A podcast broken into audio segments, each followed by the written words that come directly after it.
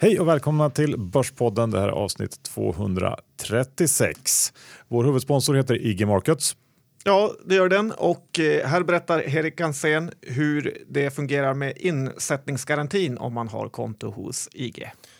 Vi står under tillsyn av brittiska FCA och eh, svenska FI. Eh, så att för oss så gäller insättningsgarantin precis som för svenska mäklare. Skönt att höra. Pengarna är trygga om man nu inte trodde det. Men så är det. Bra. John, den här veckan har vi haft eh, DI-journalisten Rickard Bråse på besök. Det var en väldigt trevlig pratstund vi hade med Rickard. Ja, det var det. Jag har ju i grund och botten alltid trott att journalister egentligen inte är så intresserade av aktier och ekonomi. Men det fick man på skallen för, för Rickard Bråse är ju extremt kunnig och insatt eh, om hur eh, aktier och bolag fungerar. Ja, vi går igenom Flera av de eh, bolagen har skrivit de sista åren. Det är blankningar, det är long case, ja, det är allt mellan himmel och jord helt enkelt. Eh, så det är vi ja, väldigt glada för att han kom hit. Verkligen. Ja. Innan vi kör igång så är vi också sponsrade av Lysa och vi har haft Lysas vd Patrik Adamsson hos oss. Eh, vi ställde till att börja med en eh, ganska direkt fråga som handlar om varför startade ni Lysa? Lyssna här. Vi startade Lysa för att göra det enklare för alla sparare. Vi vill göra för kapitalförvaltning det som nätmäklaren gjorde för aktiehandel för 15 år sedan. Genom att sätta kunden i fokus, göra det billigt, ha ett väldigt bra utbud och göra alla processer så enkla som möjligt. De som står bakom Lysa det är tre stycken grundare som har en bakgrund i finansbranschen och Niklas Storåkers som var VD för Avanza under 15 års tid. Bra, gå in på lysa.se börspodden och öppna ett konto. Då får man upp till 20 rabatt i tre månader. Ehm, testa själva och se hur bra den här tjänsten egentligen är. Ja, den är faktiskt väldigt bra och det går att göra insättningar via Swish. Ja, nu rullar vi intervjun med Rickard Bråse.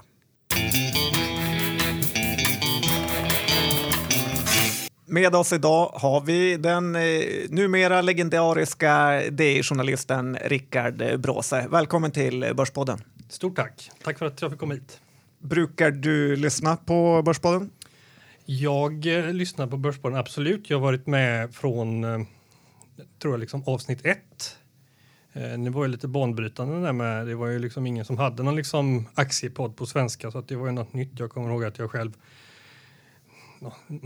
liksom inför, liksom i samma veva eller inför det någon gång lanserade idén att DI skulle göra någon form av aktiepodd och då smilbanden drogs ut ganska rejält och man blev utskrattad liksom för ett sånt förslag. Och sen kom ni och, och liksom öppna upp det här eh, på ett väldigt bra sätt. Jag, tror att, jag vet inte hur många lyssnare ni har och så, men jag uppskattar det och jag utgår från att det är väldigt många andra som gör det också. Idag är det ju många som är inne på det här och försöker göra eh, eh, aktie och börsrelaterade poddar, men den här sticker ut och är den klassiska. Kul att höra, eller hur Johan? Absolut. Du är, vi lyckades haffa dig en dag när du var i, i Stockholm, men du är inte det i vanliga fall? Det är jag inte. Jag är baserad i, på väst, i Västsverige, i Göteborg. Okay. Hur kommer det sig? Det kommer sig som så att det är där jag är helt enkelt anställd enligt mitt anställningsavtal. Det var där jag började på DI och eh, ja, det är där jag har liksom min familj och det är där jag bor så att det är egentligen det. Men eh, jag försöker komma upp till Stockholm i alla fall någon vecka i månaden ungefär. Är det bra eller dåligt att vara bortkopplad från liksom finansmeckat i Sverige? Jag tror att det är jättebra om du ska ha, om du ska våga tänka, liksom, våga hålla i dina egna tankar så är det nog bra att inte sitta mitt i smeten om du ska ha någon form av, vad är det man kallar det för, liksom, eh, mot strömmen filosofi så tror jag att det är faktiskt positivt att sitta utanför. Men sen såklart väldigt bra inspirationsmässigt och liksom att eh, vara här också och ha kontakter och sådär. Kul, men eh, ska vi börja med lite bakgrund eh, om dig? Hur gammal är du? Jag är 34 precis här. Och vart, eh, berätta vart du är född, vart har du pluggat och så vidare. Uppväxt på en ö som heter Klädesholmen där man mest ägnar sig åt att göra sill. Um, så min familj har drivit sillfabrik i sedan urminnes tider, sedan vikingatiden ungefär. Um, ja, så, och sen så... Det var inget du tänkte, den banan är ingenting för dig? Det var väl snarare någon form av motivation till att faktiskt eh, ja, ta sig därifrån. Det är ganska... Det är inte superspännande ska jag säga. Mm. Eh, så att, eh, ja. Och min, min pappa har alltid jobbat där, liksom. hans pappa har jobbat där, hans pappa. Alltså, och far min han har nog alltid haft någon inställning att man ska nog försöka och kanske göra något annat i sitt liv än att stå och gräva i sill. Men, men då blev det alltså, hur kom du in på det här eh, aktiespåret då? Ja, det är fruktansvärt invecklat egentligen. Från första början så skulle jag bli lärare tänkte jag mig och börja liksom på lärarprogrammet i Göteborg. Det var exceptionellt flummigt kan man säga. Det var liksom, ja, jag vet inte. Det passar inte mig kan man nog eh, konstatera. Och sen, det var som en uttåget ur Egypten sen jag vallade omkring mellan lite olika saker, mellan olika kurser. Jag har väl läst fem poäng av det mesta känns det som. Men till slut, så, men, på mitt examensbrev eller vad det nu heter, där står det ehm, vad det heter, magisterexamen med historia som huvudämne. Så, jag, så historiker var liksom det jag satsade på. Det är inte heller så här eh, helt genomtänkt om man vill ha något jobb. Jag har varit på en arbetsförmedling en gång och gick in och sa att jag drog utbildningen där så tittade hon lite snällt på mig och sa att det var nog lycka till i livet. Men det gick ju bra ändå. Eh, Var, vart fick du ditt första jobb sen när du ändå fick ett jobb? Jo, men sen var det det. Alltså, sen så när, när liksom man förstår att det här får man ju sy ihop på något sätt. Då gick jag journalistprogrammet. Den utbildningen har jag liksom aldrig. Jag har aldrig tagit ut en examen Ehm, så att jag är väl. Jag vet inte. Jag, jag, jag är inte. Jag har ingen eh, liksom färdig examens liksom, papper. Jag borde kunna ta tag i och begära ut det någon gång, men det har jag inte gjort. För jag kom in på DI som praktikant. Och det var, det var alldeles i början på i slutet på 2009, början på 2010, då var fortfarande liksom hela... Det är svårt att komma ihåg hur liksom temperamentet var då. Det var väldigt annorlunda. Alla, varenda börs sa liksom double dip i, var, i varannan mening. Folk var helskärrade liksom för att det skulle braka ihop igen. Man trodde, alltså börsen hade gått fruktansvärt starkt andra halvan av 2009 där. Eh, med, med, med banker och sådär hade gått väldigt, väldigt bra. Men, men, men det var skärrat och, och- och det var nog väl lite så halvt underbemannade där inför sommaren 2010. Så när jag kom in så sa de du kan glömma liksom att du kommer få vara kvar här efteråt för det har vi inget utrymme för. Men sen, sen så har det liksom bara blivit så att jag fick vara kvar på sommaren och sen när sommaren var över så sa chefredaktören ah, du kan få fortsätta ett tag till och sen fortsätter man och ja. Så jag har blivit kvar där helt enkelt. Ja, men eh, det är kul. Funkar det så? När börsen är het så säljer det mycket nummer. När den är kall är det få nummer. Jag, vet, alltså jag är lite dålig på sånt där, men, men det, det tror jag ju att, att börsintresset idag är ju på en helt annan nivå än vad det var för 6-7 år sedan. Det är väl egentligen, jag skulle säga att efter 2013 är det ju någonting som har hänt med det allmänna börshumöret liksom i, i Sverige i alla fall. Och jag vet inte hur mycket det är drivet av sådana ISK ändringar och i kombination då med att många har blivit rika på att aktier har gått upp. Men idag är det ju många som är intresserade helt enkelt av aktier kan man konstatera och det tror jag ju definitivt gynnar en sån aktör som DI. Men, men hade du själv någon slags, eh, har du varit en aktiv sparare själv i aktier? Nej, det kan man inte säga egentligen. Alltså det som... Det, när man är fattig student är det ju svårt, i alla fall för mig var det det, att ha särskilt mycket att liksom, eh, röra sig med.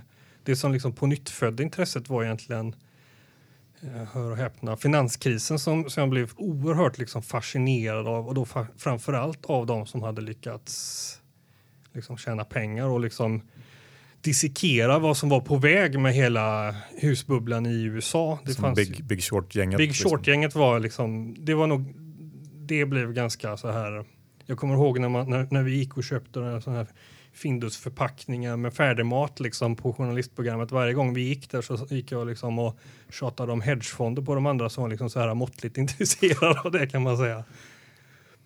Mm. Ehm, John, ska vi, ska vi ta lite eh, snabba frågor för att och, ja, komma igång lite extra? Ja, men det tycker jag. Det är dags. Jag skjuter iväg den första. Eh, vilken är den bästa journalisten du jobbat med? Anders Hägerstrand. Bästa respektive sämsta vdn på börsen?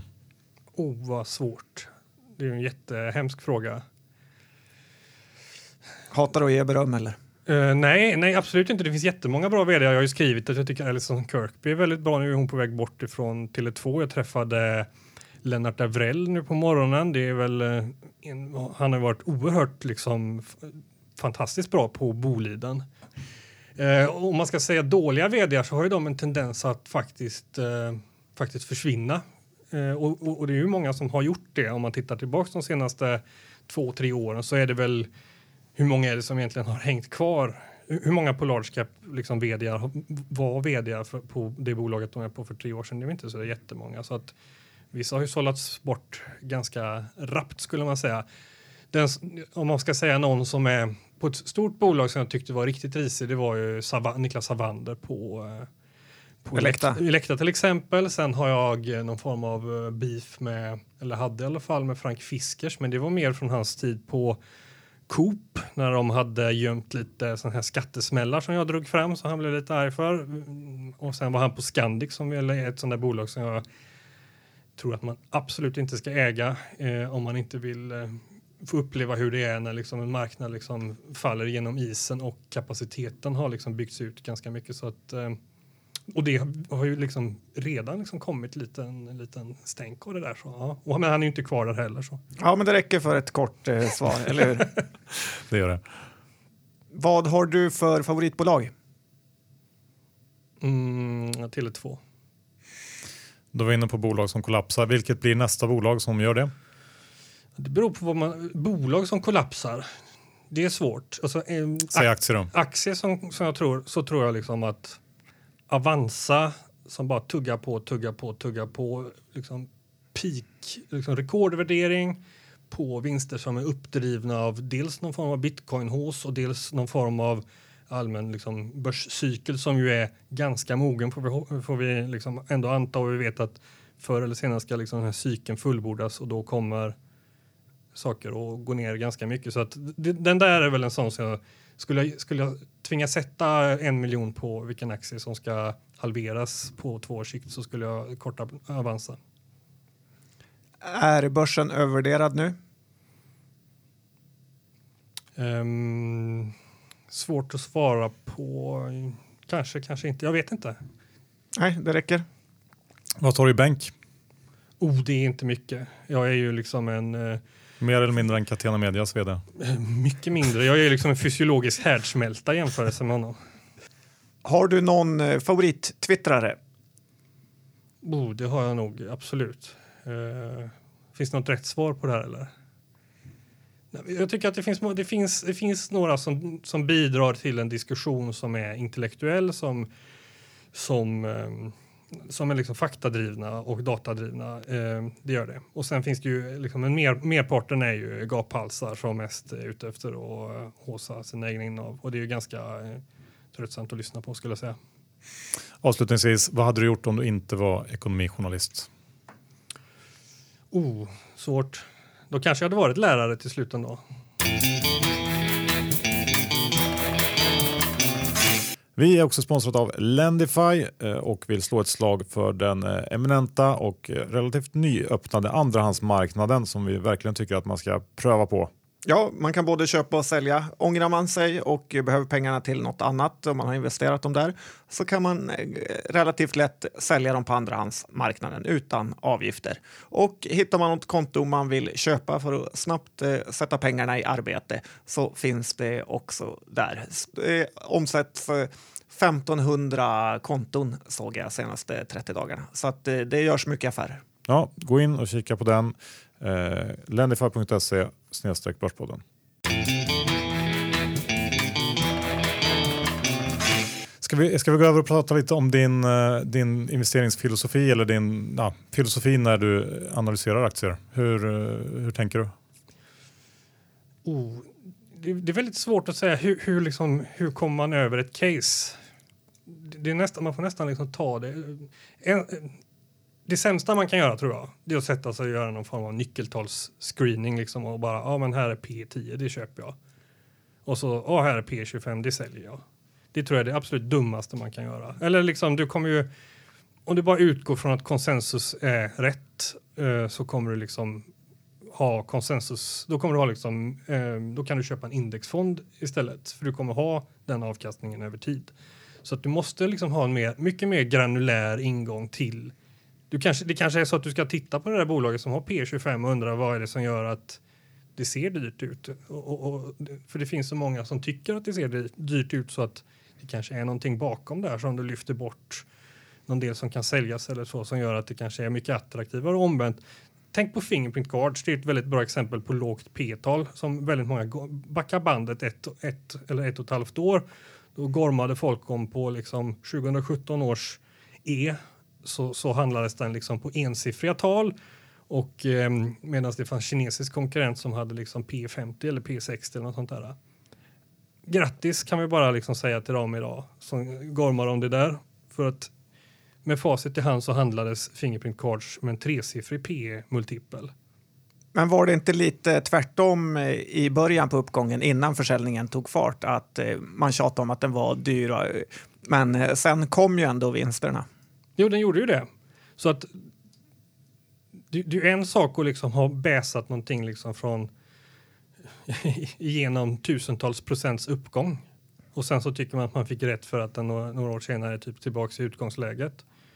Men eh, seriöst, har du haft den, liksom, har, du, har du faktiskt varit exponerad mot det där eh, genom den, då har du liksom ja, du har ju avrättats ganska många gånger på vägen.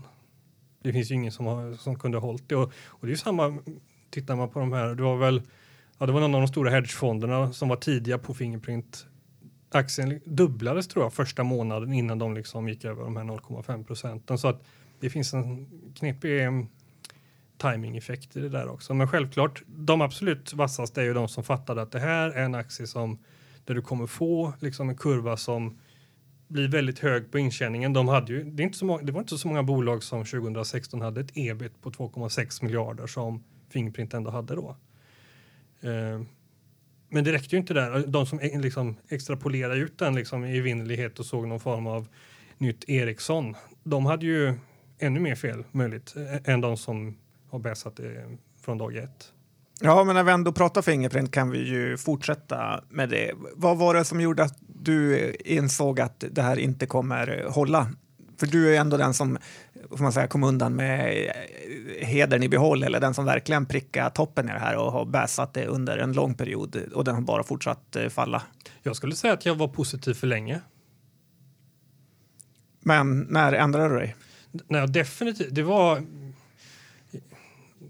jag, jag var föräldraledig så jag skrev i princip ingenting under, när kan detta ha varit? 2016 borde det ha varit. Jag kom tillbaks då på hösten.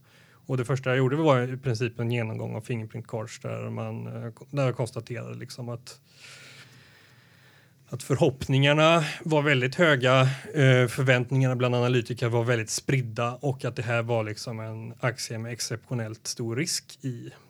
Eh, och sen men sen om man säger efter första vinstvarningen där i december, när du väl har liksom, när du hör knallskottet, när första vinstvarningen kommer, då vet du att det här är liksom en one way street härifrån. Den här aktien ska ner. Och ändå så har jag liksom hela tiden underskattat gå åt helvete-faktorn i det här. Jag tycker att det är fruktansvärt svårt, även att liksom fånga in när du har ett case som verkligen spelar ut, att verkligen kunna fånga liksom magnituden i det. Och det gäller åt båda hållen. Men vad är det som är sämst i Fingerprint? Liksom? Vad, vad marginalerna som skulle krympa eller att försäljningen skulle minska? Vad var det ja, du... men steg ett är ju liksom att du har ett tillväxtbolag som förväntas fortsätta vara ett tillväxtbolag och sen så är det inte ett tillväxtbolag längre. Så att liksom, steg ett, tillväxten faller, eller fallerar. Tillväxten blir negativ. Nästa steg på det blir liksom vad händer med bruttomarginalen? Ja, den kollapsar. Grattis. Eh, och nu är, är vi då inne i ett läge, tror jag, där vi kommer, och så småningom, liksom, kanske inte då i nästa vecka eller så, utan men under, under 2018 så tror jag att fokus mer kommer flyttas mot balansräkningen. De har en nettokassa på ungefär 350 eh, miljoner kronor idag och då har de ett första halvår som ser liksom minst sagt blekt för att inte säga blod, blodrött ut där de dessutom ska betala, fortsätta betala på det här Delta ID-förvärvet. Det är fortfarande 100 miljoner som ska betalas från det här som ju som bidrog med 15 miljoner minus på ebit. Sen har du eh, omstruktureringskostnader som ska tas innan du börjar få liksom, se effekten av de här omstruktureringskostnaderna. Så att vi får se. Vi, vi, vi pratade lite här innan inspelningen så sa du att du tittar mycket på personer eh, bakom när det gäller aktier. Hur, det kanske kan vara, vara lägligt att knyta ihop det med hur ser, du, hur ser du på Fingerprint ur den aspekten? Ja, där har vi ju haft en storägare som har, eh, vad är det det heter, han har inte varit så konventionell i sitt agerande på något plan egentligen. Alltså jag tycker att Johan Karlström är ju i sig en fruktansvärt fascinerande person och allt han rör i blir ju på något sätt kaos, mer eller mindre. Um, så det är väldigt intressant att men han verkar ju sakna någon form av hämning när han har suttit och sålt till exempel två veckor innan en vinstvarning. Nu har ju åklagaren lagt ner det så att det var ju uppenbarligen inte brottsligt att göra det där. Det är ju faktiskt så att man får, får lov att sälja aktier men sen att en huvudägare sitter och gör det i ett OMX30-bolag det, det är väl liksom unheard of. Um, så det där var ju en varningslampa men den, den varningslampan fanns väl liksom hela tiden. Sen var det ju sådana mystiska saker med att du hade ju stora optionsprogram så det var ju personer i det där persongalleriet som hade väldigt, väldigt mycket aktier och hade en väldigt stor exponering. Du hade, du hade en person som heter Thomas Rex bland annat som slutade uh, i ledningen. Jag, kommer, jag har ett mejl där, där jag frågar honom om han har sålt aktier um, som jag skickade någon gång, ungefär för ett år sedan, uh, i februari någon gång. Och då svarade han, jag har inte sålt några aktier i november, december eller januari. Och dum som jag är, jag är inte så smart, uh, så frågar jag inte, har du sålt några i februari då? förrän liksom ett halvår senare när han, när, du, när han är tillbaks igen i ledningen och då helt plötsligt har liksom mycket färre aktier och frågar sålde du aktierna då? I februari? Ja, ja visst. Så att du har liksom, det känns, det känns liksom som att de har inte skött det helt eh, kosher om man säger så. Vad säger du om eh, Jörgen Lantto? Han slutar ju väldigt lägligt, lägligt med för att kunna sälja väldigt mycket aktier. Jag vet inte hur drivet det där var av att han ville sälja aktier. Han hade säkert varit fortsatt att vara vd. Jag tror att det drevs ganska mycket av att, av att den här huvudägaren Karlström tyckte att han gjorde ett eh, undermåligt jobb. Och det har ju visat sig sen i efterhand att liksom det som Christian Fredriksson har gått in och försökt att göra liksom och satsa på nya teknologier och sånt. Det var ju sånt de skulle ha satsat på ett år tidigare. Det är lätt att säga såklart med facit i hand, men um, ja, han var väl inte helt, med, med facit i hand så, så, skulle han nog kunna ha gjort mer. Med facit i hand så kan vi säga att han, att han slutade väldigt lägligt och fick, kunde casha hem ganska ordentligt. Vad tror du om, om eh, bolaget framöver? Jag tror att det kommer antingen en nyemission i år eller att det kommer köpas ut av någon. Det, det, den absolut mest sån här lockande fantasin man kan ha är väl att det kommer ett riktigt Samsung-bud sen någon gång fram i september liksom från deras jättekomponentdivision där de kan plocka in bolaget. Liksom.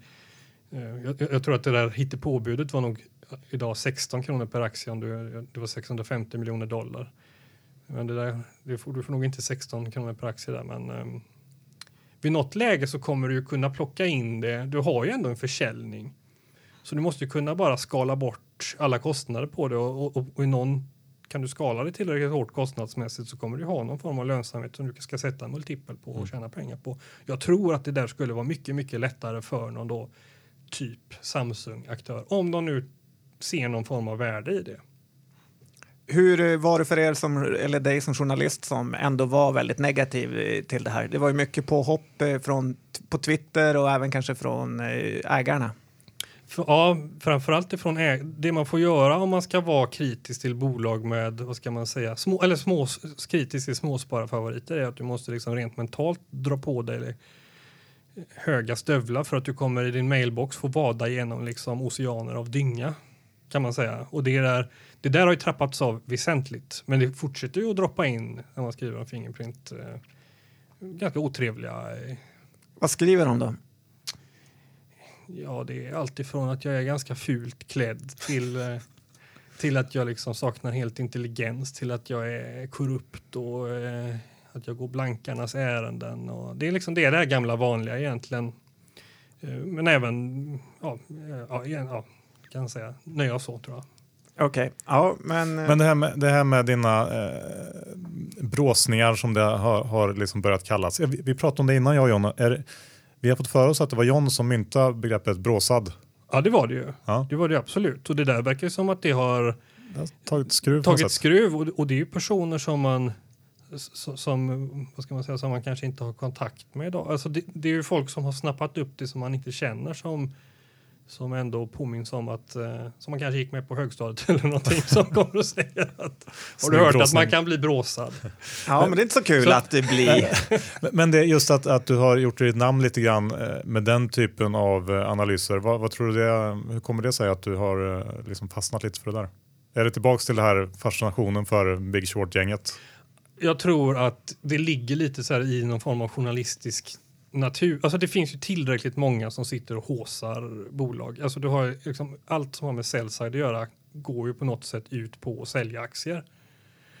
Så att du har liksom, hela analytikerkåren har ju en väldigt positiv tilt. Så kan du liksom skära i, kan du liksom hitta saker där de är för positiva så har du liksom eh, en intressant story helt enkelt. Och det är ju det att journalist, journalistik handlar ju om att kunna liksom, vad ska man säga, avslöja eller plocka fram skevheter av olika slag. Det är liksom, och många kan bli arga och sådär, men jämför med, med liksom någon här fantastisk journalistisk gärning som till exempel Thomas Quick-fallet. Det är inte så att, att journalisterna som engagerar sig i det hatade liksom rättssystemet, utan de påpekar liksom att det var någon skevhet i det bara. Och det, det kanske är en liksom, konstig jämförelse, men det är lite så jag ser det i alla fall. Att, att, att hitta, hitta liksom skevheterna och försöka beskriva dem på ett underhållande sätt också. Eh, skulle jag, det är det jag försöker göra. Jag försöker skriva saker som jag själv skulle vilja läsa helt enkelt. Och, och sen att det har blivit lite mycket sånt om man tittar på förra året. Det tror jag har att göra med att jag var och är, jag, jag kanske lät lite halvpositiv till börsen, men i grunden har jag varit ganska negativ till börsen sedan liksom 2015 och jag har ju fått inse att att vara negativ till börsen liksom generellt det är ganska så hopplöst egentligen. Utan det är mycket, mycket lättare då egentligen att vara, plocka ut de där sakerna som faktiskt eh, där det finns katalysatorer som liksom får det där att börja flamma till i balansräkning eller resultaträkning. Mm, check på den. Ja, du har ju haft eh, vansinnig impact i vissa av de här bolagen. Eh, Precise, Anoto har ju tappat uppemot 20 procent på vissa säljrekar. Men hur är det med att gå blankarnas ärenden? Har du några aktier själv eller blankar du aktier? Jag kan ju, jag, så av uppenbara skäl så kan jag liksom inte sitta och skriva om saker som jag, som jag äger helt enkelt. Det hade varit lite konstigt om jag, om jag hade liksom, eh, blankat Fingerprint och sen lagt eh, 150 procent av min arbetstid på att liksom dissekera den aktien. Då hade jag väl suttit inspärrad längst in i fängelsehålan med, med alla inpetare och sådär. Alltså, då hade jag legat riktigt risigt till. Så att det, och det där är ju lite av en... Alltså det kan vara frustrerande ibland att jag vet att jag, att jag har beskrivit det någon gång tidigare som att, att det känns som att jag liksom spelar hockey. Att, liksom, detta är en väldigt kvantitativ sport, att det är procent liksom upp och ner och du har en väldigt tydlig räkneställning. Men, men liksom för min del så, så blir det ju mer som en kvantit, kvalitativ bedömning. Det är, som, det är som jag spelar en hockeymatch och jag känner, känner liksom att den här har jag vunnit med 10-0 eller varit med och vunnit med 10-0 och så, så sitter det tre stycken konståkningsdomare och håller upp liksom eh, har gjort någon helt annan bedömning. Att jag bedöms ju inte, jag tjänar ju inte några pengar på att Fingerprint har gått ner. Eh, jag kommer att sitta bitter någon gång på något ålderdomshem och räkna igenom vad det hade liksom, vad jag hade, vad som hade kunnat hända om jag hade gjort det jag hade skrivit istället för att skriva om det. Men känner du ingen eh, liksom, sug att gå över till eh, andra sidan istället för att vara journalist utan vara en fondförvaltare eller typ Simon Blecker som gick från skriva i tidningen till att bli en extremt duktig fondförvaltare? Ja, jag har inte riktigt tänkt igenom det, men, men, men eh, uppenbarligen så är jag inte det. Så att det är inga, jag har väl inte liksom gjort tillräckligt stort intryck på något. Alltså det man behöver. Jag kan inte liksom göra det på egen hand för jag har liksom ingen förmögenhet, höra häpna. Eh, utan då måste du ha backning av någon form av kapital och det har jag uppenbarligen inte så att det är inte ett alternativ. Men det kanske blir i framtiden, short seller. Mm. Vi får hoppas på det. Då, får, då, då, då, då ligger de ju risigt till på riktigt. Då är det inte bara på lek längre, då är det på riktigt. eh, ska vi ta du har varit eh, ganska aktiv och tittat på H&M på slutet också. Vad har du att säga om det? Idag är ju en stor hm dag med kapitalmarknadsdagen, äntligen. Äntligen, jag har många som har sett fram emot det. Alltså jag tror som så här att H&M har ju haft uppenbara operationella problem det kan vi nog alla vara överens om att trenderna talar sitt väldigt, väldigt tydliga språk med, med marginaler som faller och en tillväxt som haltar.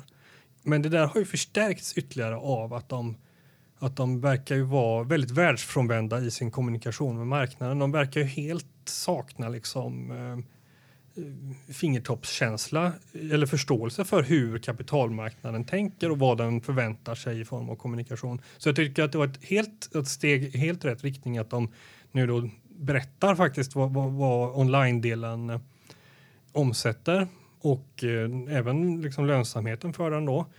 Men eh, sen är det ju en annan fråga, ska det vända, liksom, trenden vända på det här och det tror jag inte. Jag, eh, jag vet att jag skrev om Fingerprint väck mig på 12 kronor och då tror jag att eh, väck mig på 120 H&M skulle jag säga. Då får jag fundera till. Men vad är det som har gått fel i H&M om man backar tillbaka bandet? Vart svängde de fel? Alltså, de, de, har ju pressats från tre olika håll. Dels har de blivit utklassade på liksom de, sitt eget specialområde, liksom fast, fast fashion av, av Inditex.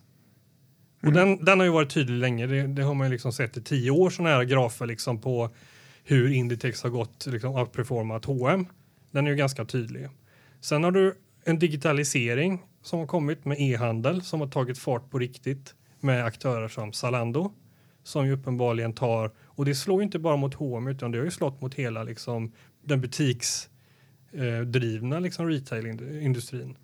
Och sen har du ytterligare en komponent som man pratar mindre om men som jag tror är, är en faktor och det, och det är liksom det här Primark segmentet, de här slit och släng klädbolagen. Eh, som också då kommer, så att de är liksom klämda mellan att göra lite, lite lägre fashion än, än Inditex men ändå var lite för dyra för att liksom stå ut mot eh, Primark-ligan och samtidigt så har du liksom en ångvält som kommer i form av digitalisering. Och, alltså digitalisering är väldigt bra för konsumenter men den, den är ju också ganska eh, omtumlande för, för etablerade affärsstrategier och, och det har ju märkts, skulle jag säga, ganska tydligt i H&M som ju då frågan som till slut måste ställa sig är, är ju lite, är vi liksom ett butiksnät som har lite e-handel eller är vi en e-handlare som är, har ett butiksnät också? Jag vet inte riktigt var de är i den där uh, evolutionen. Jag tyckte att det var lite, nu har ju inte jag varit på kapitalmarknadsdagen idag, jag känner mig lite som Askungen när varje svensk eh, liksom, eh, ekonomijournalist med, med, med, någon form av respekt är inbjuden, men jag var, jag var inte det. Utan jag... men du är inbjuden till Börspodden, det är det, betydligt finare kan jag säga. Det är, mycket, det är mycket bättre sällskap om inte annat kan jag tänka mig. Var man tvungen att vara inbjuden för att, att, gå dit? Kan du inte bara slinka in? Jag vet att min gode vän Hägerstrand han hade fått en inbjudan i alla fall. Ja. Så att, um, ja. Men tror sånt. du att KJP och pappa Persson är eh, rätt personer att vända det här? Har de inte gjort sitt?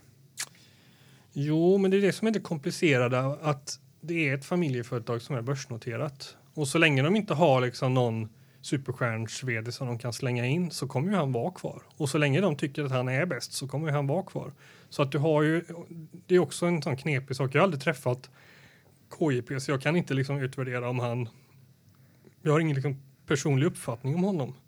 Um, uppenbarligen har det gått väldigt dåligt. Om du tittar på hur bolaget har har vad de har liksom för Kagar-siffror på, på, innan han kom och vad de har haft sedan han kom så mm, kan man konstatera att han haft emot det i alla fall. Sen så är det så, svårare kanske då att säga vad, hur mycket som är hans fel. Jag tycker att de, eller jag tror att nästa gång de ska byta vd så är det kanske smart att titta utanför H&M. Det har jag skrivit tidigare också att jag att, eh, att det är nog rätt väg att gå. Titta på liksom Inditex, de har en bankir som vd som anses vara världens bästa vd om man ska tro den här Harvard Business Review i alla fall. Ja, men det låter ju bra. Världens bästa vd. Precis före Ola Rolén. Ola Rolén halkade ut från ja. Harvard Business Review i år. Det var ju lite så att det är, det är en hård, eh, det är hård konkurrens där. Det var väl Johan Molin och så hade vi då um, Vestas vd Runevad var ju den, uh, eller vad heter han? Anders Runevad heter han, uh, som var högst av svenskarna på, uh, på den här listan. Ja, men ska vi lämna H&M och titta lite på Vestas? Annat case du följt. Jag har ju blivit fascinerad av vindkraft eh, sen jag var i Danmark. Och, eh, men du har varit väldigt negativ till aktien och det med rätta. Den har tappat kanske 30 procent eh, sen i somras bara. Vad, hur ser du där? Där var alla positiva.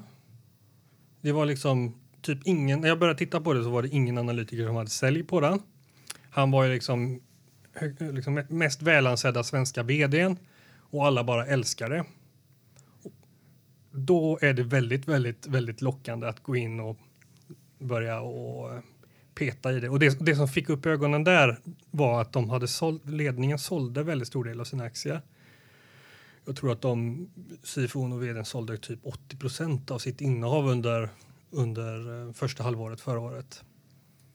Ehm, det, det, då börjar man ju klia sig lite i huvudet och undra vad är, vad är, vad är det som är på väg att hända här egentligen? På Conference så började det komma lite sådana här frågor om prisbilden och så här framöver. För det som hände var att viktiga vindmarknader som Tyskland gick över att ha feed-in-tariffer som är alltså, subventionerade system egentligen till att ha mer marknadsprissättning av vindel.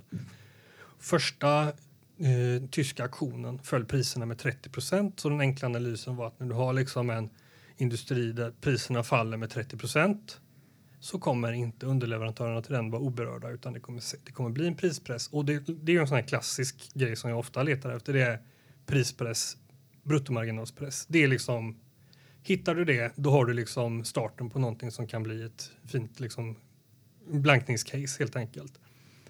Och det, det spelade ju ut liksom väldigt bra. De har ju haft en kraftigt fallande um, vad heter det, heter på svenska, genomsnittspris eh, i ordering, på orderintaget. Eh, det fortsatte att falla i senaste kvartalet. Eh, och, och det var också en sån sak när du, när du haft, alla har varit positiva. Eh, ledningen har liksom, du vet, talat ner riskerna för, för, att, för att prispressen skulle kunna drabba dem och det är liksom frid och fröjd. När det då väl kommer, då får du ju liksom då blir det ju tsunamieffekten av det hela. Då ska ju alla plötsligt ut ur dörren samtidigt, så den har ju blivit rätt så ordentligt straffad kan man ju säga. Jag tror den var uppe på, jag satte sälj på 589, den var uppe på 620 någonting som mest. Och var, jag vet inte hur långt ner den har varit, men den har ju varit rejält rejält tillplattad. Så att det där caset spelade ju ut. Um, sen, sen så de här veckans aktierna som vi köper på måndagar, det, de utvärderar vi alltid efter ett år. Det är också lite svårt liksom när du har fått 30-35 procent, då kanske man ska som investerare ta dem. Men jag ska ju, liksom, det är ju ett års... Så vi får se vad den är om, om ett år. Det kanske är så att eh, vindkraft att den återhämtar sig. Men just nu ser det ut som att det kommer vara fortsatt liksom marginalpress där i alla fall. Och Vestas var ju också ett sånt där case som väl i alla fall optiskt såg hyfsat billigt ut. Eh, eller aktien såg ganska billig ut. Absolut, för du har ju den här effekten av att det är sådana här eh, rörelsekapitalsföretag där de har liksom tidiga betalningar så att de får liksom kassaflödet på orderingången. Ehm, den liksom kassaflödet ligger tidigt så att du har driver det med, med en väldigt stark kassaposition så ev-multipeln blir ju liksom förvriden av den anledningen. Så när du väl du vet vänder där och du den ska reversera också så får du liksom en, en matematisk effekt också på, på det hela på den multipeln som då såg billig ut men som kanske inte var lika billig och då inte i vanliga fall så är det oftast för, för att E1 inte ligger där man tror men här har du ju liksom effekt på EV också helt enkelt. Mm. Är det inte fascinerande att eh, ledningarna ändå är så pass eh, giriga att de dumpar ut 80 procent, har kvar lite för att det ska se ut som att de har lite, men man vet att de vill casha hem egentligen? Jo, de ringde ju. Det var deras jag tror det var informationsdirektören något liknande som ringde och läxade upp mig någon gång i höstas när jag skrev en artikel om att de hade sålt på toppen och gjorde en genomgång av sådana här värdelösa återköpsprogram också som, som de ju hade gjort också och förklarade för mig. Alla Fingerprint. Ja, precis. Eh, också så här väldigt obra återköp kan man ju säga. Ehm, och då, eh, då ja, jag blev uppläxad helt enkelt. De förklarade att, att det fattade väl att man måste få sälja sina aktier för att det var ju aktier de hade fått i kompensation så att kompensation vill ju inte ha i aktier, det vill du sälja. Och dessutom är ju skatten hög i Danmark så du måste ju ha pengar för att kunna betala skatten. Så att, eh, den gamla klassikern. Den gamla klassikern att du måste sälja hela innehavet för att det egentligen är en lön som du ska använda hela din lön för att betala eh, skatt. Jag vet inte vad folk jobbar i Danmark för om det fungerar så där, men det låter ju typ Pomperipossa 2.0 eller 3.0 eller någonting. Ja. ja. men så är det. Ska vi titta lite på några andra bolag som du också har blivit rätt eh, känd för? Det är Precise och eh, Anoto. Vilket är sämst av de två? Anoto är det sämsta bolaget. Anoto är ju, eh, tror jag, en... Eh, jag tror att köper du Anoto så köper du förlustavdrag. Du jag tror inte på den här nya ägaren? Nej, och han är inte särskilt ny. Han har varit med ganska länge och synar du det där så är det ju, de gör ju liksom nyemissioner fram och tillbaks mellan liksom mellan Anoto och det här S-Mark som är någon form av garnföretag i Sydkorea som är hårt plågat och liksom haft i liksom på ruinens brant helt enkelt och, och, och de är de som lägger liksom ordrar fram och tillbaks och du vet det. Det är lite svårt att fatta hur de vad, vad gör de? Alltså, tror de själva på det här, att de här pennorna ska ta fart eller att det här ADNA ska liksom ta fart? Jag ju, tittar du på ADNA-presentationen som de gör med den här Digworks så, så liksom när du drar upp patent 2 i den presentationen i sydkoreanska patentverket så är det en, en golfklubba med en sån här ah, så att du ska kunna läsa av golfgreenens lutning. Liksom. Då, då, alltså det är ju på en nivå som, som borde vara skrattretande. Och där undrar jag lite om, om det hade varit någon, vad ska man säga, icke någon icke liksom aktiejournalist som hade gjort den här genomgången. Alltså någon mer du vet, rapport eller en vanlig allmänreporter om det hade om det hade blivit större ståhej om det. Nu känns det som att det här blir ståhej i en, liksom ändå en ganska liten grupp som, som, som är intresserad av det. Men, men jag undrar om det här är liksom enligt konstens alla regler. Det de har suttit och gjort har ju varit att de har satt de här i omgångar konvertibler som är som är konverteringsbara 15 dagar efter de är satta och de sätts med en eh, 20-30 procents eh, rabatt mot kursen. Så att det är liksom inte en konvertibel egentligen utan det ser mer ut som en option där du har liksom typ garanterat pengarna tillbaka så länge inte bolaget går i konkurs. För du har liksom ja, du, du tar liksom löser optionen direkt och sen kan du då sälja aktierna. Så att Tittar du på vad, vad konverteringskursen i det bolaget ligger så jag var inte jätteöverraskad av att det kom en positiv nyhet eh, häromdagarna för att det finns liksom ett intresse av att båda den där kursen skulle jag säga. Vad är det som får alla småsparare att liksom kasta sig på de här vansinnesaktierna? Det är ju alla tre superfavoriter, Anoto, Precise, Fingerprint. Eh, och, eh, vad tror du? Ja, men det är ju enkelt. Alltså det, du behöver aldrig ställa frågan varför någon gör någonting i, i våran bransch. Alla vet att det handlar om att tjäna pengar och de tror att det här är liksom ett sätt att få jackpotten, liksom slå en homerun. Så kortsiktig girighet? Ja, kortsiktig girighet och titta på Notos kurs, liksom hur mycket den gick ju från 4-5 kronor i somras till 15 i höstas. Det är ju jättebra för de som eh, hade den. Men, men liksom underliggande så var det ju ingenting som motiverade den uppgången. Och nu kommer det väl en rapport här någon gång misstänker jag och då kommer jag få arga mejl där det står att du är så dålig för du fattar inte att de visar plusresultat nu men då säger jag bara gör dig själv en tjänst och liksom läs kassaflödesanalysen för de kapitaliserar ju de här utvecklingskostnaderna. De har ju så mycket, de har ju i samband med den här senaste ordern så skickar de ju hem två av er två av eh, toppcheferna så att nu är det väl då en vd och ytterligare en person som jobbar i ledningen där och de har ju liksom lagt ner hela verksamheten i Sverige så att det är inte mycket kvar heller. Så att... Men det här avtalet med Hewlett Packard var det, kan, var det det? Ja, men det där rann väl ut i sanden eh, och det blev ju aldrig någonting. Men det har de ju, de är ju också så här klassiker, småbolag som är väldigt tidiga på och duktiga på att framhålla sina avtal. Sen när de liksom, du vet, inte materialiseras och blir värda noll, då glömmer man liksom att säga att det, har, att det liksom inte blev någonting. Det här är en klassiker. Eh, Precise, den har ju du Johan blivit räddad av när du var kort väldigt mycket och eh, ja, så dök det upp eh, en bråsning. En bråsning och den var ner 20 procent och du var väldigt eh, glad. Vad, vad ser du där? Det är nästan lite samma nu som, som Fingerprint skulle jag säga. att Det är väl ett bolag som om det är någon som ser något värde i det så kommer de eh, köpa, köpa ut. Det är väldigt svårt att se att det skulle finnas liksom, betydande värden för liksom, bolaget som sådant att driva vidare. De verkar inte ha några ambitioner heller att dra ner på kostnaderna så att de kommer fortsätta vara förlusttyngda framöver. Eh, då när den kom, det var, vad kan det ha varit? Jag tror att det var på hösten det var när de i alla fall de skickade ut ett pressmeddelande om att som någon form av omvänd vinstvarning att de skulle ha positivt ebitda. Jag, vad kan det vara? 2016 eller? Ja, jag tror det. Um, det måste ha varit inför Q3-rapporten då antar jag. Um, då stod väl aktien i 7-8 kronor helt enkelt och, och liksom enough is enough. Och där hade du ett bolag som hade levt på förhoppningar så länge, så länge, så länge. Och när det äntligen såg ut liksom att få sitt genombrott, då såg jag någonting som var på väg att gå åt andra hållet. Ja, för Fingerprint och Precise var ju lite i början eh, två olika fangrupper där det aldrig egentligen tog fart för Precise.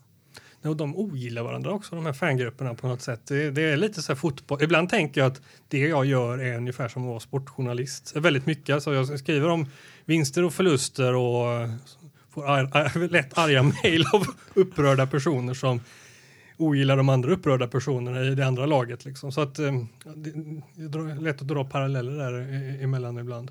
Men Precise, då, satt jag, då, då skrev jag liksom en krona är väl kanske någon form av vettigt värde på det där. Och, ja, jag känner inte att jag behöver ändra på det nu heller, liksom, eh, långt senare. Det är nog där, det är kanske någonstans där det är värt att ha en nettokassa på 130 miljoner ungefär, så att det är en ganska stor del av market capet som är en kassa.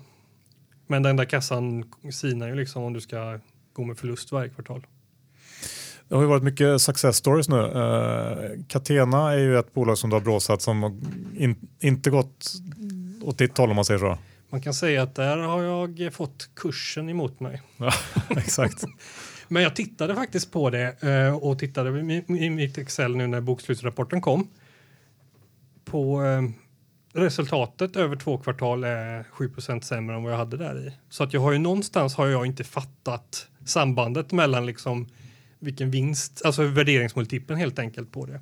Och det där, den var väl så här, det var väl inte någon, något case som jag var beredd att korsfästas för. Det, det kan jag säga att vissa, ha, ha, vissa, vissa av kortningarna har jag verkligen känt att, som Vestas till exempel, den, den var jag nog beredd att korsfästas för. Liksom. Den hade kunnat gå i döden för, för, för att den liksom skulle sitta. Det var så fruktansvärt vackert när den gjorde det. Men den här var mera, det var ganska styrt också av eh, att jag fick inte så jättebra intryck av den dåvarande vdn helt enkelt som inte kunde svara på ganska enkla frågor och hänvisade till, till revisorerna. Eh, sen, det, det, man måste förstå med det här bolaget är att det är en väldigt hög risk när du, har liksom, när du kombinerar nettoskuld på 2,7 gånger ebitda med jättelåga förvärvsmultiplar på 3-4 gånger med en väldigt hög summan av kardemumman värdering på hela bolaget. Liksom tillbakablickande, vad värderas det till? 18-19 gånger ebitda. Mm. Och min, under, min kritik, den är, och det som jag tror kommer vara problemet som kommer visa sig, inte nu utan senare, är att jag tror att de kommer ha svårt att driva ebit organiskt, alltså rent organiskt. Och, och dessutom att de håller på och liksom har någon form av organisk redovisning där de in, inkorporerar synergieffekter egentligen.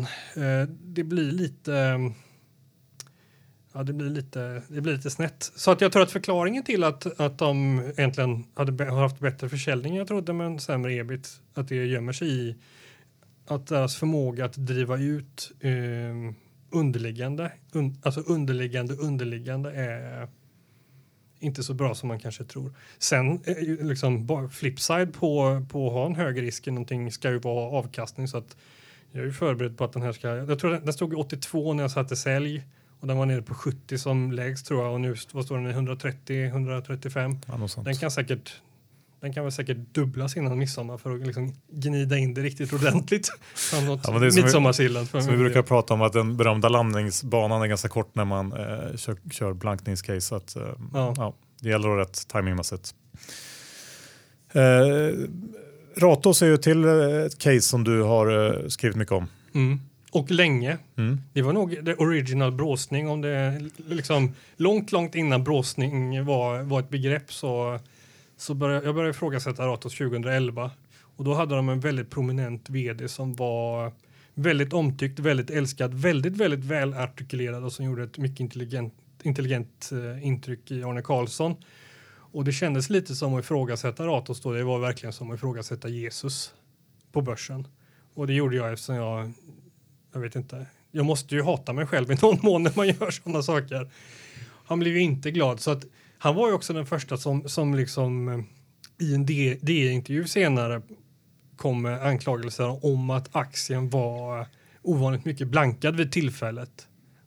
Det måste ju vara en, en fruktansvärd varningssignal när någon, någon på ett bolag pratar om det överhuvudtaget. Kan Jo, jag tycka. jo, men tänk dig liksom 2012 då hade jag varit två år på DI. Jag var liksom väldigt junior och få den där äh, i den egna tidningen liksom kastad Mm. ifrån typ Gud på sig. Det var, jag skulle säga att det har varit väldigt viktigt senare också. Att, jag, att liksom, du vet, av det, för att vi kan liksom se på kursen och, och vi kan se på fundamenta liksom i det underliggande de har haft att det var inte helt fel att, att ifrågasätta Ratos liksom 2011 utan det har varit typ 100% rätt.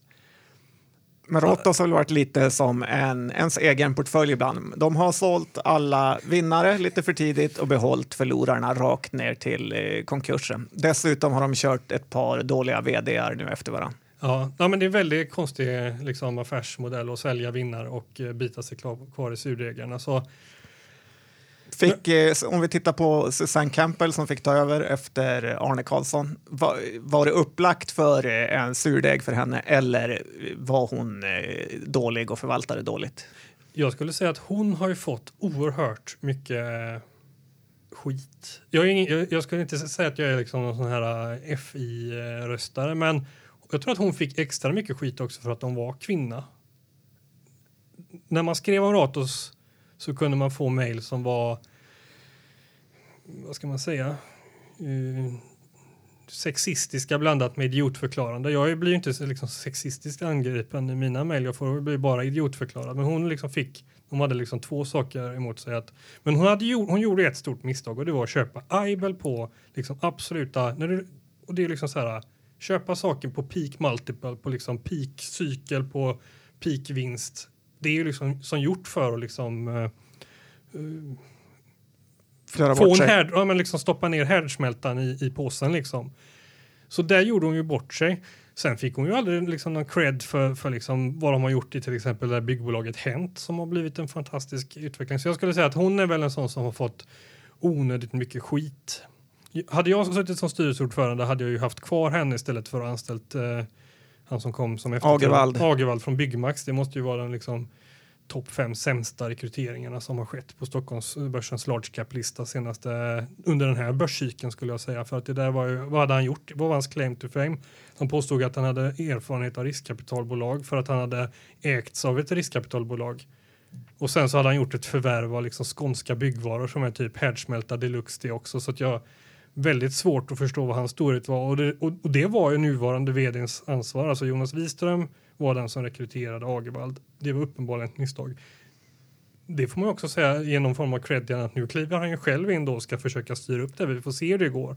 Jag tror inte att så här, jag tror inte att succén är självskriven i Ratos. Jag tror inte att turnarounden i alla bolag är helt självskriven heller. Men utgångsläget nu är, är ju ändå att för första gången handlas de ju under någon form av uppskattat nav i alla fall på liksom urminnes tider. Så att är det någon gång man ska köpa Ratos liksom de senaste tio åren så är det ju, är det ju nu. För nu finns det ju någon form av liksom margin of safety mellan vad bolagen borde kunna tänkas vara värda och vad de vad, vad, hur, Ratos värderas. Sen så är det ju inte eh, säkert att, alltså de kommer säkert kunna hitta nya sätt att köra bolag i riket. Har du något favoritbolag i Ratos som eh, är värt lite extra?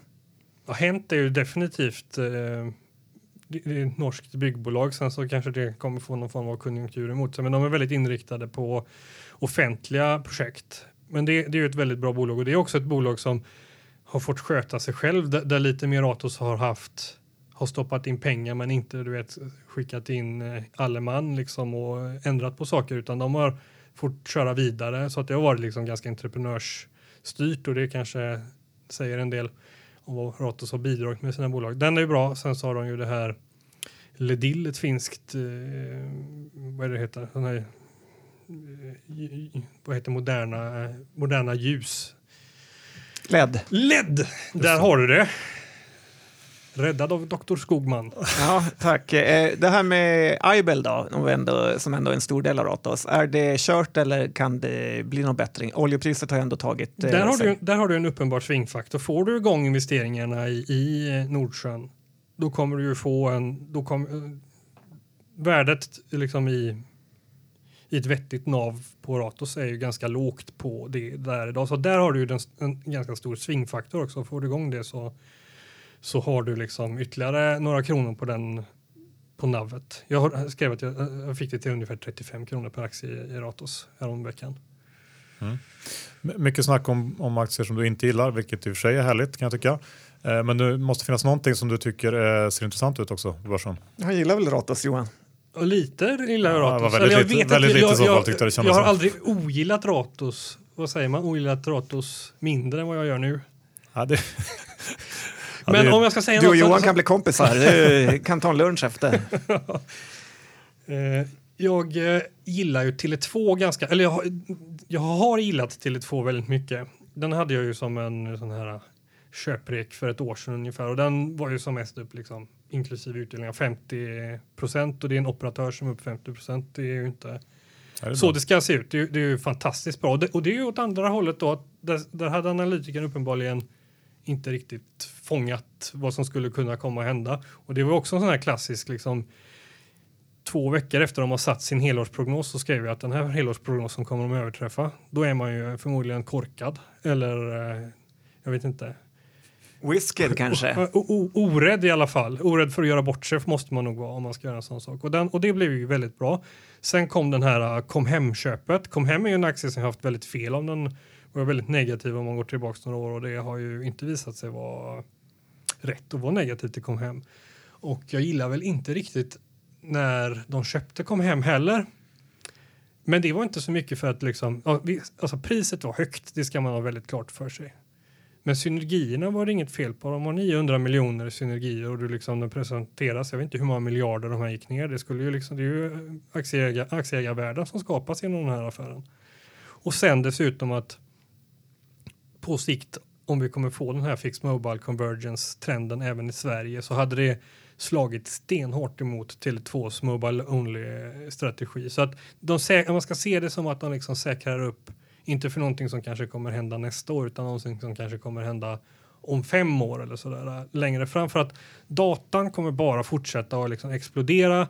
Då måste du liksom ha avlastad i ett, i ett fastnätssystem också. Så att skillnaden för en konsument i framtiden kommer vara mindre mellan du kommer liksom inte veta om det är mobilmast eller liksom hur mycket går genom en fiberkabel i marken utan du kommer ha en upp, du kommer köpa en uppkoppling. Du kommer inte köpa liksom bredband och tre eh, mobil, eh, mobilnät för sig utan det kommer slås ihop och då kommer de få skulle de kunna få problem. Så att om du sätter dig ner och gör matten på på den här sammanslagningen och liksom ändå tror på att tror på att inte kom hem kommer under imorgon. Eh, Och, och där får man nog eh, tänka sig att det kommer de inte faktiskt att göra. Netflix kommer inte att innebära slutet för, för bredband utan tvärtom. Utan det kommer liksom driva på, på det där. Då, då tror jag att det finns en väldigt fin uppsida fortsatt i, i Tele2. Det spekuleras ju lite om att de eh, kanske ändå plockar in MTG nu när TDC-dealen faller. Nej, det du det? kommer inte att hända för att det är det som är själva problemet att då är de, för, de är för dominanta med både Comhem och MTG på tv-sidan även om de skulle vilja så kommer konkurrensmyndigheterna Ja, så att det de måste göra är liksom att minska sin, minska sin kontroll över den svenska tv-marknaden. Så att om de inte hittar en affär för MTG så är jag ganska säker på att vi får se en omstämpling av deras A-aktier till B-aktier i MTG. Det är en väldigt smidig och enkel lösning. Och så ska man komma ihåg att för Kinnevik så är det 5 miljarder liksom i, som ligger i MTG ungefär och de här äh, andra pjäserna är ju liksom långt, långt, långt, långt större. Jag tror att det är om det är 5 miljarder det kom hem och 12 miljarder de har i Tele2 och sånt där. Alltså det är, det är en mycket större exponering mot det där så att vad som ska bort är ganska självklart. Sen så hade det varit två flugor i en smäll för dem att liksom ehm, göra en bra affär i MTG, få in pengar och få loss MTGX som de liksom vill ha för sig själv samtidigt som de hade löst den här konkurrenssituationen. Så att de är nog inte helt nöjda med att det blev så här. Men samtidigt tror jag att det där sattes igång lite av dem själva. Att alla har gått och väntat på någon form av konsolideringsrunda i Norden. De sparkade bollen till kom hem och då var allt i rullning. Och nu kommer vi få se tror jag närmsta om inte Telia har köpt ett fibernät eller bredbandsnät i Norge inom kommande sex månader så kommer jag vara mycket förvånad. För det av samma en- enkla anledning att de sitter och är mobiloperatör i Norge. Du har Get som är bara kabeloperatör och dessutom håller IKT på att sälja sitt eh, Broadnet så att Broadnet-matchen med Telia den tror jag att eh, Den har jag, eh, det är All Bets Are Off i Bråses spelbok. Ja, bra. Eh, tiden börjar rinna ut, men har, har, du någon slags generell börssyn eller eh, lämnar du det åt folk som förstår mindre? Ja, jag är, lite, jag är negativt tiltad. Mm. Alltså det har gått ner lite och folk var väldigt till sig men jag hade väldigt svårt att gå igång på den här nedgången även om det var mycket på en och samma gång och framförallt i S&P då. Men om du tittar på det så är det ju fortfarande inte multiplarna är liksom inte på femårslägsta direkt. Nej. Och jag tror ju att då också att man kanske har en effekt av att E kommer att visa sig vara skjuta för högt i många, på många håll och kanter framöver. Alltså, vi överskattar alltid liksom nuet när man drar ut de där linjerna i framtiden och på cykliska verksamheter så vore det konstigt om det skulle liksom bara fortsätta att gå rakt uppåt. Så 2018 tror du blir ett negativt börsår eller är det lite längre vy än så? Jag tror att det kan bli negativt. Så nu kommer det garanterat bli positivt börsår. Men oavsett vilket så kommer man liksom kunna hitta bra aktier åt båda hållen. Så är det alltid. Ja, men tack så hemskt mycket för att du tog dig tid att komma till Börspoddens lilla studio. Och nu ska du åka tåget hem till Göteborg igen. Ja, det var mycket trevligt att få vara med här och få träffa er.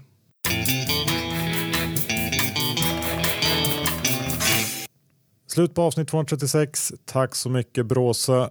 Eh, spännande samtal vi hade med honom. Ja, låt eh, honom inte bråsa någon av våra aktier nu. Det vore trevligt att slippa en eh, 20 procent neråt. Verkligen. Eh, glöm inte att kika in på vår huvudsponsors hemsida IG Markets. Nej, det får man inte glömma, för där finns det alltid roliga affärer att göra dygnet runt. Ja, eller ladda ner appen. Eh, Lysa har ju en eh, fantastisk tjänst i sin robotrådgivning. Eh, gå in på lysa.se börspodden. Då kan ni få upp till 20 rabatt i tre månader om ni vill pröva på det här. Och eh, ja, Kanske passar inte dig utan någon släkting som har ett lite ja, inte samma stora intresse som, som du har för börsen, men eh, tipsa då om det för att det här är faktiskt en riktigt, riktigt bra och billig tjänst. Ja, behöver man lite sidosparande så är det bra. Ja, och där passar ju också Lendify bra in. Gå in på lendify.se börspodden om man vill ja, starta sin egen lilla bankutmanare kan man säga. Låna ut pengar. Ja, verkligen. Det är ju inne med nischbanker. Så bli din egen istället för använd någon. Ja. Bra, tack så mycket för att ni lyssnade den här veckan. Uh, ha det så skönt i backen om ni nu är i en sån. Uh, ja, så hörs vi om en vecka igen. Det gör vi. Hej då!